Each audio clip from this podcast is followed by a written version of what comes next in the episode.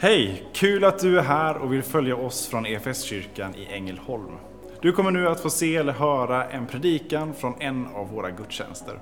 Har du några frågor eller vill veta mer om oss som kyrka så kan du alltid gå in på www.efskyrkan.info. Vill du ha tillgång till mer undervisning eller ta del av våra inspelade konferenser eller gudstjänster gå gärna in på vår Play-kanal, efskyrkan.tv. Nu ska vi lyssna på denna veckas predikan.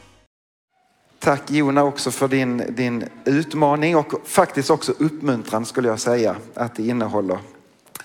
Eh, igår så hade vi möjlighet att ta del av eh, fantastiska berättelser för, eh, för oss som var på Sankt Mikael och en missionsdag när, där eh, Erik Johansson, vår eh, internationella missionssekreterare och Frida Tornell var och delade med sig av eh, vad ska man säga, få ta del av, av EFS missionshistoria men också nutidshistoria. Jag skulle vilja få bara inleda med en, en, eh, en händelse, ett, ett, eh, ett, ja, men en, en liten livshändelse som Frida delar. Eh, Lena och alla, ni var där. Nu får ni rätta mig när som helst om jag nu minns detta fel. Frida Tornell eh, och hennes eh, fina man och familj flyttade ner till Etiopien för, det är ju rätt så många år sedan nu, jag tror de tillbringade åtta år nere i Etiopien med en, eh, ett uppdrag att stödja kristna somalier. Och på något sätt att nå in med evangeliet på nytt i, i detta land. De landar i Etiopien och bosätter sig där. Där finns många somalier som lever inte bara i, i sitt land utan väller lite grann in i Etiopien och i Kenya. Eh, så att de fick ändå möjligheten att möta många eh, somalier i, i Etiopien. I alla fall. Väldigt snart så fick de kontakt med, med en man som de fick slå följe med. Och visst var han somalier, han som reste genom Sudan. Just det, en kristen somalier. Eh, och eh, han var då eh, vid ett tillfälle på resa eh, genom Saharaöknen och befinner sig någonstans i Sudan på den här resan. Och, eh, och Frida visade en bild, den kunde man ju haft här nu, men det, det var liksom total öken. Men så plötsligt så dyker det upp ett träd och på deras färd så stannar de där, stannar bilen och han klättrar upp i trädets krona för att söka skuggan och vila något. Och han har med sig sin bibel. Och så sitter han där uppe i, i trädet och så läser han Eh, ett, ett stycke från, från Guds ord och så kanske han lägger ifrån sig sin bibel och ber en stund. Och sen så ska de bege sig vidare på sin resa. Han klättrar ner, sätter sig i bilen och de far iväg. Och så kommer han på efter en stund, aj, jag glömde min bibel i trädet. Då, och det, det, är farligt att befinna sig ute i öknen mitt i natten. Det här talar jag inte av egen erfarenhet utan jag fick till mig den informationen igår.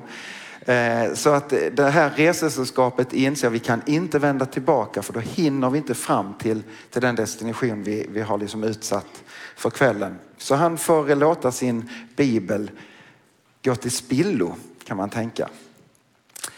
En ganska lång tid därefter så befinner sig den här mannen i en stad i Sudan och eh, där har de den här traditionen att man ofta dricker te på kaféerna längs gatorna och vägarna och där sitter man på låga pallar liksom nästan längs med gatorna så dricker man sitt te där.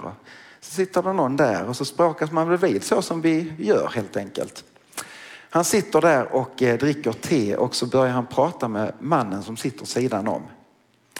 Och så efter en stund så kommer det fram till att den här mannen eh, säger, ja men jag är också kristen. Jaha, oh.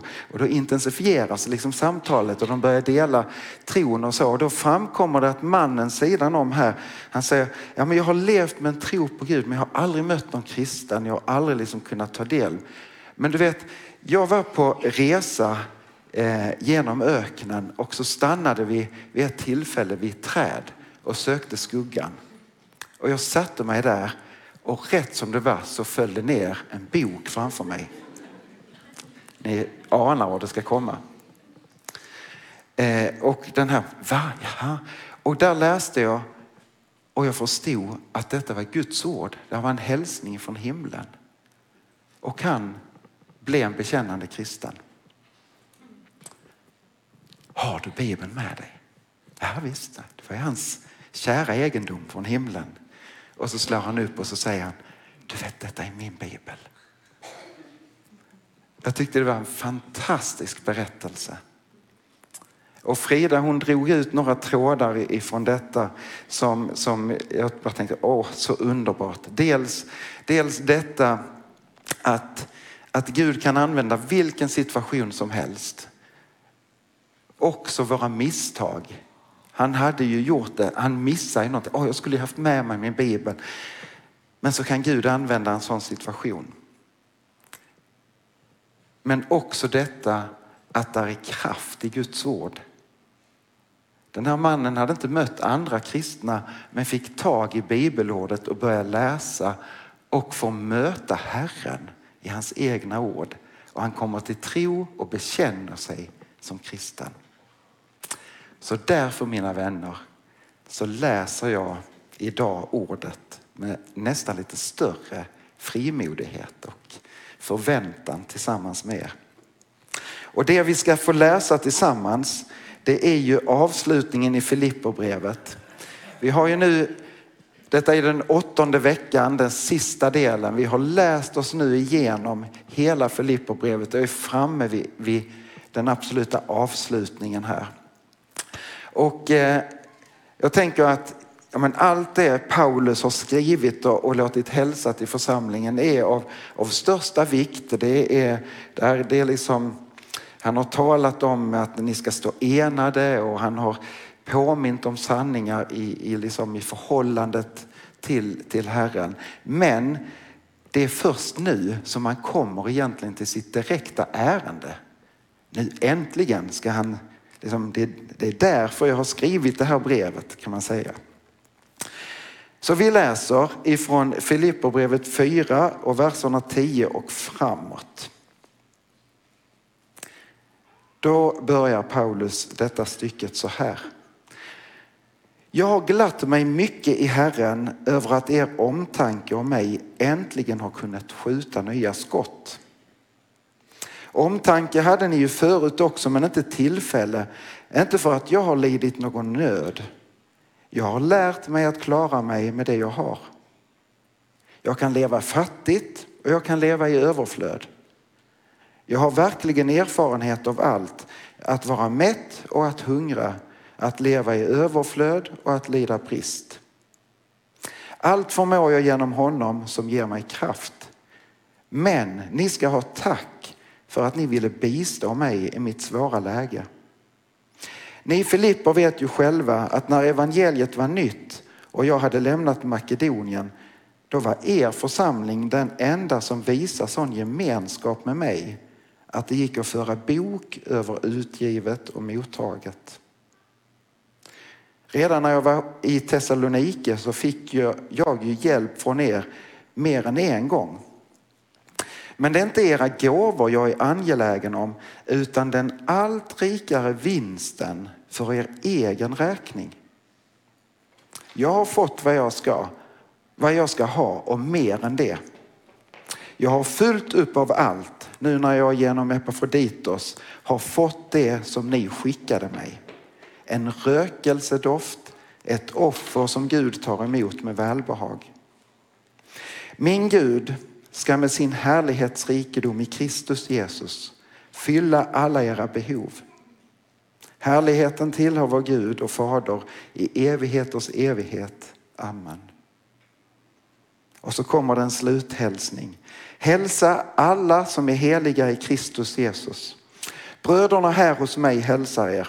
Alla de heliga hälsar, er särskilt de som arbetar vid kejsarens hov. Nåd från Herren Jesus Kristus åt er ande.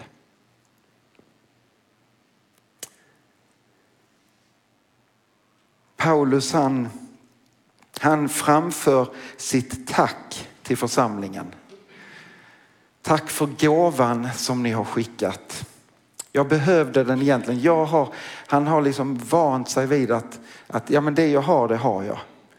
Han har fått leva ibland i överflöd och ibland i extrem fattigdom. Han har fått sitta i fängelse, han har varit på resande fot, han har lidit skeppsbrott och han har rest första klass. Jag tänkte lite grann på det när hon frågade här eh, med däcken. Ursäkta ni som nu bara ser predikan efter, ni fattar ju inte vad jag pratar om. Men, men var det någon som funderade på det när skatten hade framme sitt lilla, den sa däck, står det om däck i Bibeln?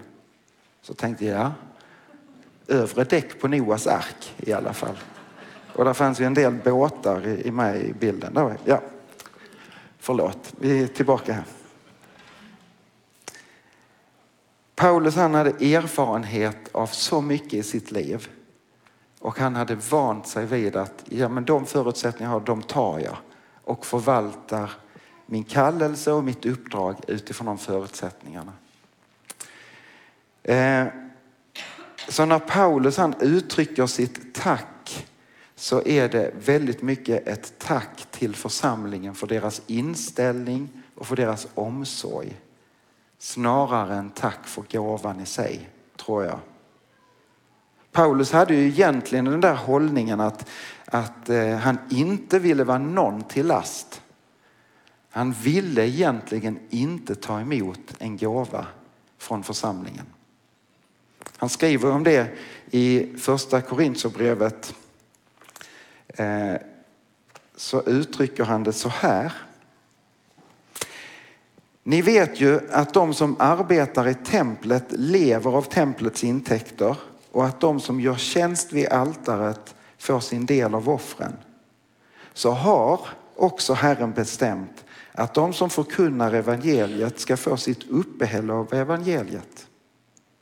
Men jag har inte gjort bruk av några sådana förmåner och jag skriver inte det här för att skaffa mig dem. Hellre dör jag. Ingen ska få ta ifrån mig det som är min stolthet.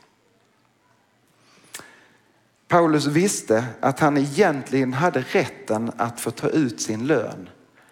Eh, och de som står i, i tjänst hade också rätten att få, få kunna leva utifrån det uppdraget. Men han hade satt som en stolthet över sitt eget liv. Jag ska inte belasta församlingen. Jag ska klara mig eh, på något sätt på, på egen hand eller Guds, Guds försorg.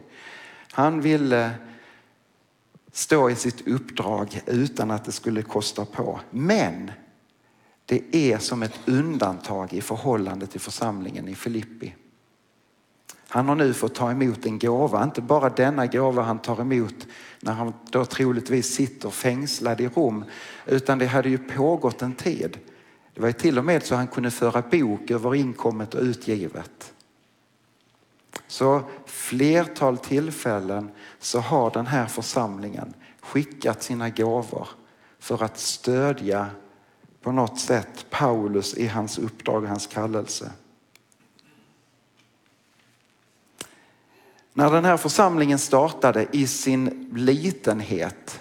Paulus är ute på, på en missionsresa och han, han, jag vet inte hur medvetna de är om de olika kontinenterna men vi kan ju förstå att här är en brytpunkt från, från eh, Mellanöstern och, och liksom den kontinenten och in i Europa. Församlingen i Filippi är den första församlingen som etableras i Europa. Och sen så tar det på något sätt också inte bara en ny riktning geografiskt utan också för Paulus en ny riktning att nå ut med evangeliet till alla människor. Hedna missionen liksom tar, tar sin fart härifrån. Och, eh, och vännerna, den här lilla församlingen som inte består till en början med av så många människor, eh, de ger sig snart vinn om att skicka kärleksgåvor till Paulus för att stödja honom. Åren går och han är ute på sina resor. Människor kommer till tro i Filippi. Människor som kanske aldrig någonsin har sett eller mött Paulus men har ändå förstått att han kom och delade evangeliet med några människor i den här stan. Så att en kyrka, en församling etablerades och sen har det vuxit därifrån. Jag inbillar mig att det är människor som är med i den här församlingen som aldrig har träffat Paulus men som ändå ger för att bistå i Guds verk. Ehm. Och det tror jag gör att det blir väldigt speciella band mellan Paulus och just den här församlingen. Band som, som ger sig uttryck och, och, en gemenskap som ger sig uttryck i det brevet som Paulus skriver. Han omnämner dem med så mycket värme när han omtalar gemenskapen, församlingen, bröderna och systrarna i Filippi. Men det är också uppenbarligen ett väldigt, väldigt starkt band från församlingen som trots en svår situation, vi vet inte deras ekonomiska läge fullt ut naturligtvis, men, men det var en församling som i mångt och mycket på något sätt i sin tid var ganska ansatt. Ändå samlar de in och skickar vidare. Kanske de på något sätt har upplevt att ja, men vi står på något sätt i en brytpunkt i Paulus tjänst. Vi vill vara med i den sändningen som har på, liksom utgått från den här platsen. Och jag tror att, att den här församlingen de är ivriga att dela evangeliet med människorna i sin närhet men får också upp liksom den här vissheten att vi kan också vara med och bidra och sträcka evangeliet ännu längre genom evangelisten, genom aposteln Paulus och hans följeslagare. Och det binder och knyter ihop de här folken.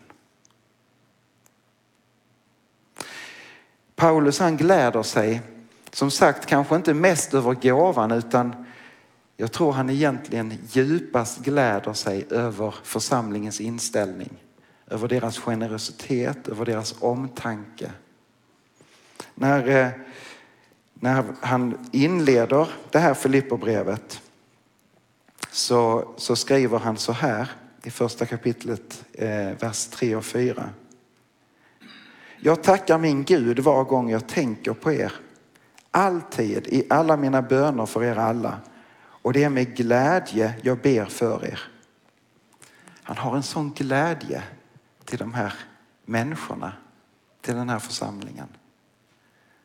Och så, och så säger han ju här också i avslutningen. jag gläder mig så för att ni har skänkt den här gåvan som inte är en gåva till mig utan det är en gåva till Gud.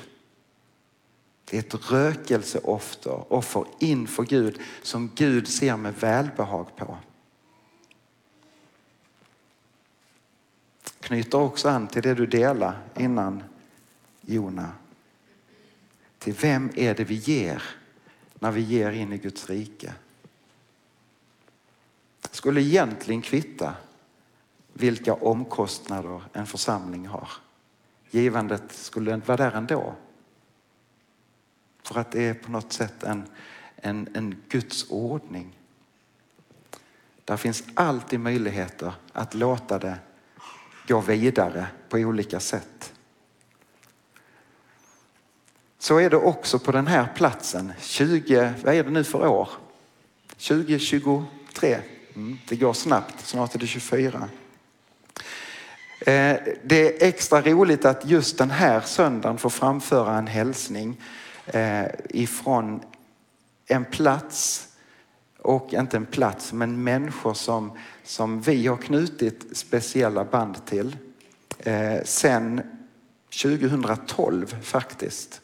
Då tog den här församlingsgemenskapen ett beslut att eh, vi vill vara med och stödja det arbetet med att starta upp en bibelskola i Voi i Kenya. I en kyrka som då hade i runda tal 40 000 medlemmar eh, i en viss del av Kenya. Men väldigt, väldigt få präster och anställda eller möjlighet att tjänstgöra i församlingen.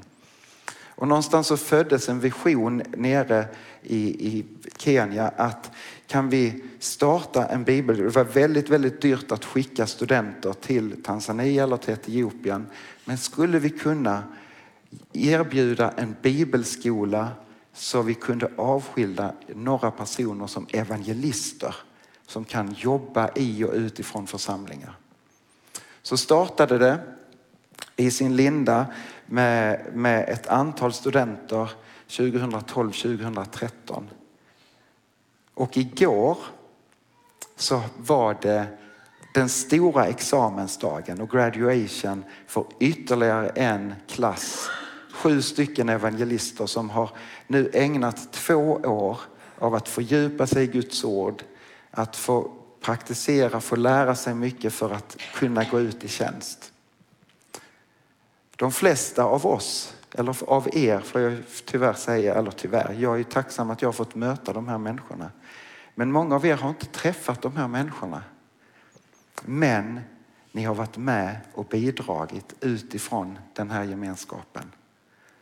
Och vi har som församlingsgemenskap här många vänner i Kenya som ber för oss.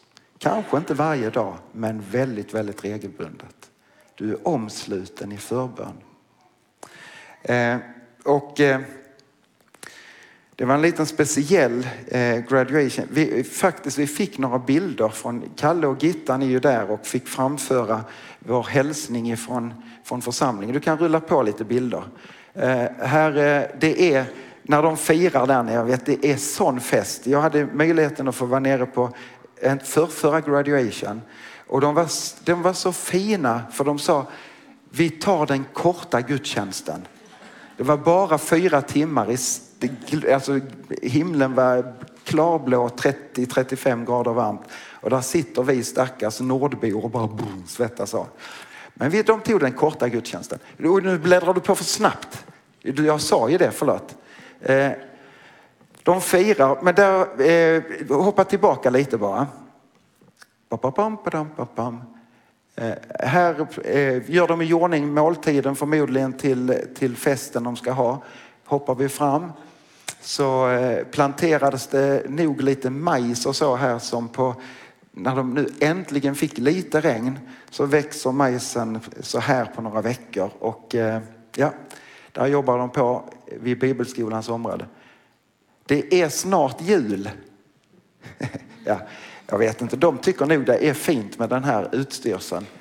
Jag hoppas det i alla fall. Men de, de hänger på sig glitter och glamour på något sätt och fira. Mary som står i mitten, det här var lite speciellt för att eh, under detta året så har fem stycken, var Mary var den senaste, jag tror det är fem stycken inklusive Mary, som har jobbat som diakoner under eh, många, många år.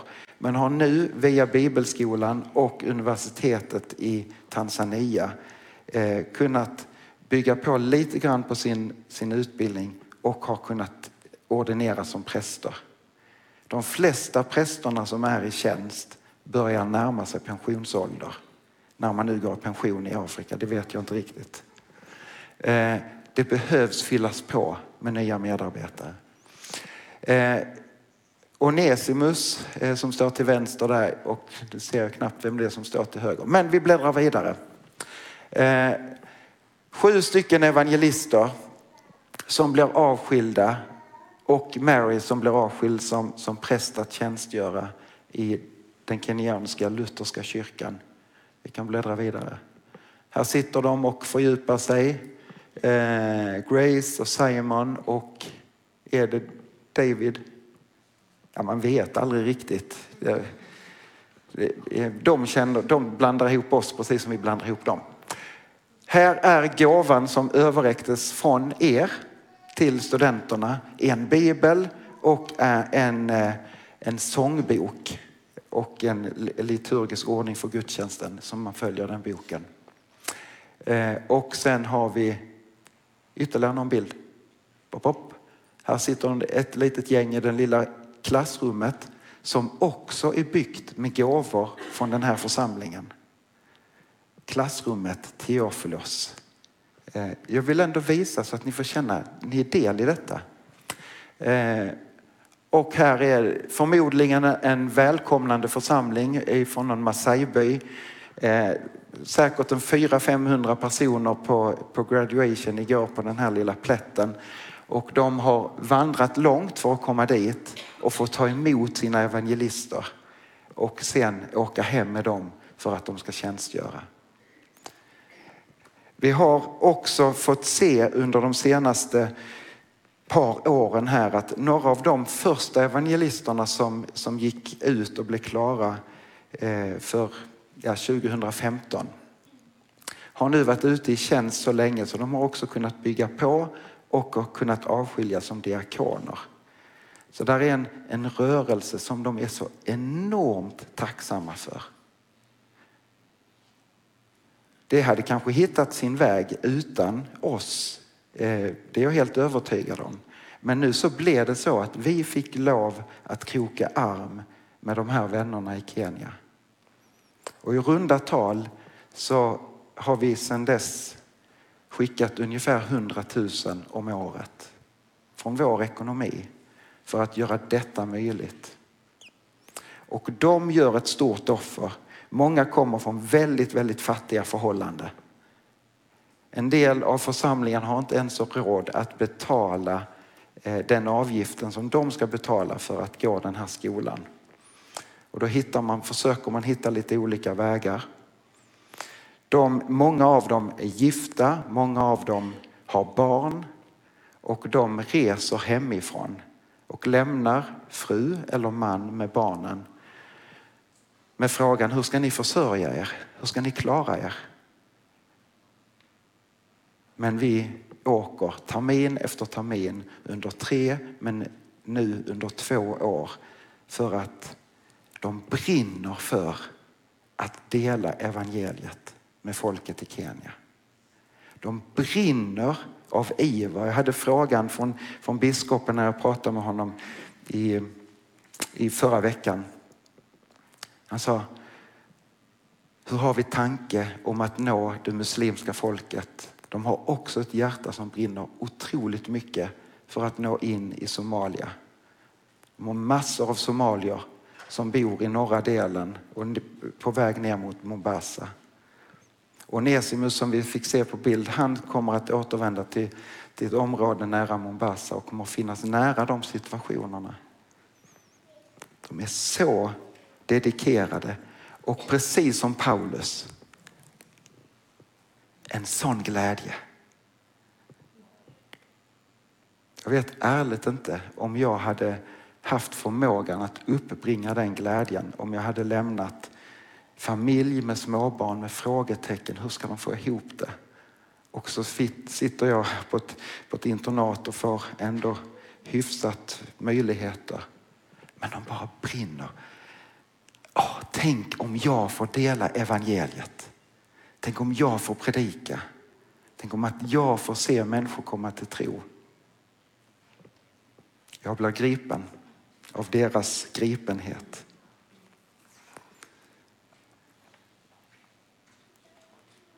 Så även om inte du har mött de här personerna personligen så vet om att du står i relation med de här.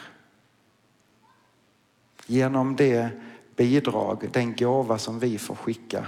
Precis som Filipporna fick skicka en gåva till Paulus och det missionsarbetet så får vi skicka en gåva och knyta band och knyta relation. Och Gud vill det, han vill föra människor samman. Så var det ju också för att knyta an till den berättelsen som Frida delade igår. Den här mannen som fick en bibel neddimpandes. Vad är möjligheten att man i ett land med vad var det, 25 miljoner människor som lever i Sudan. Vad är oddsen på att jag råkar sätta mig i en stad i Sudan på en liten bänk med översockrat te? Hej, vem är du? Att det är den personen som har suttit under ett träd ute i öknen och fått nästan en bibel i huvudet. Det var min bibel.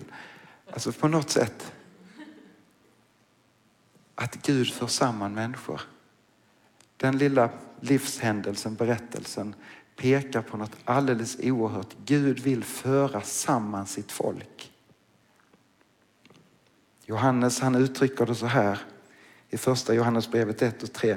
Det vi har sett och det vi hört förkunnar vi för er för att också ni ska vara med i vår gemenskap som är en gemenskap med Fadern och hans son Jesus Kristus.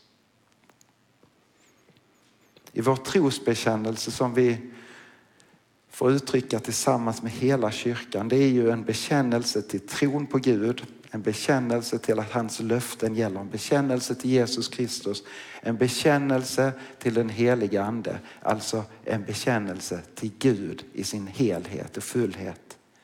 Men det är också två små korta strofer i avslutningen. Vi tror på en helig allmänlig kyrka, det heliga samfund. Det är också en bekännelse till varandra. Och vet ni vad? Nu tycker jag att vi ska stå upp tillsammans och bekänna denna tro på Gud, men också i det att vi får påminna oss om att vi bekänner oss till varandra, till alla kyrkor, till alla kristna över hela vår jord. Och har du orkan, jag tror att du har det. Har du inte den så får du väl falla ner på stolen allt eftersom. Men vi, vi ber trosbekännelsen, proklamerar trosbekännelsen. Men sen tar vi en stund där vi också får fortsätta be för det som ligger på ditt hjärta. Men jag och Jona vi hjälps åt och, och, och leder i bön och ber vår Fader tillsammans. Vi står inför honom. Som kyrka är det en glädje att få spela en liten roll av allt Gud gör i och genom ditt liv. Vi vill gärna fortsätta följa dig på den resan.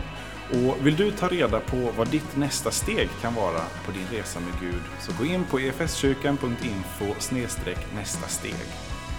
Vår längtan är att få se människor och samhällen förvandlade av Jesus.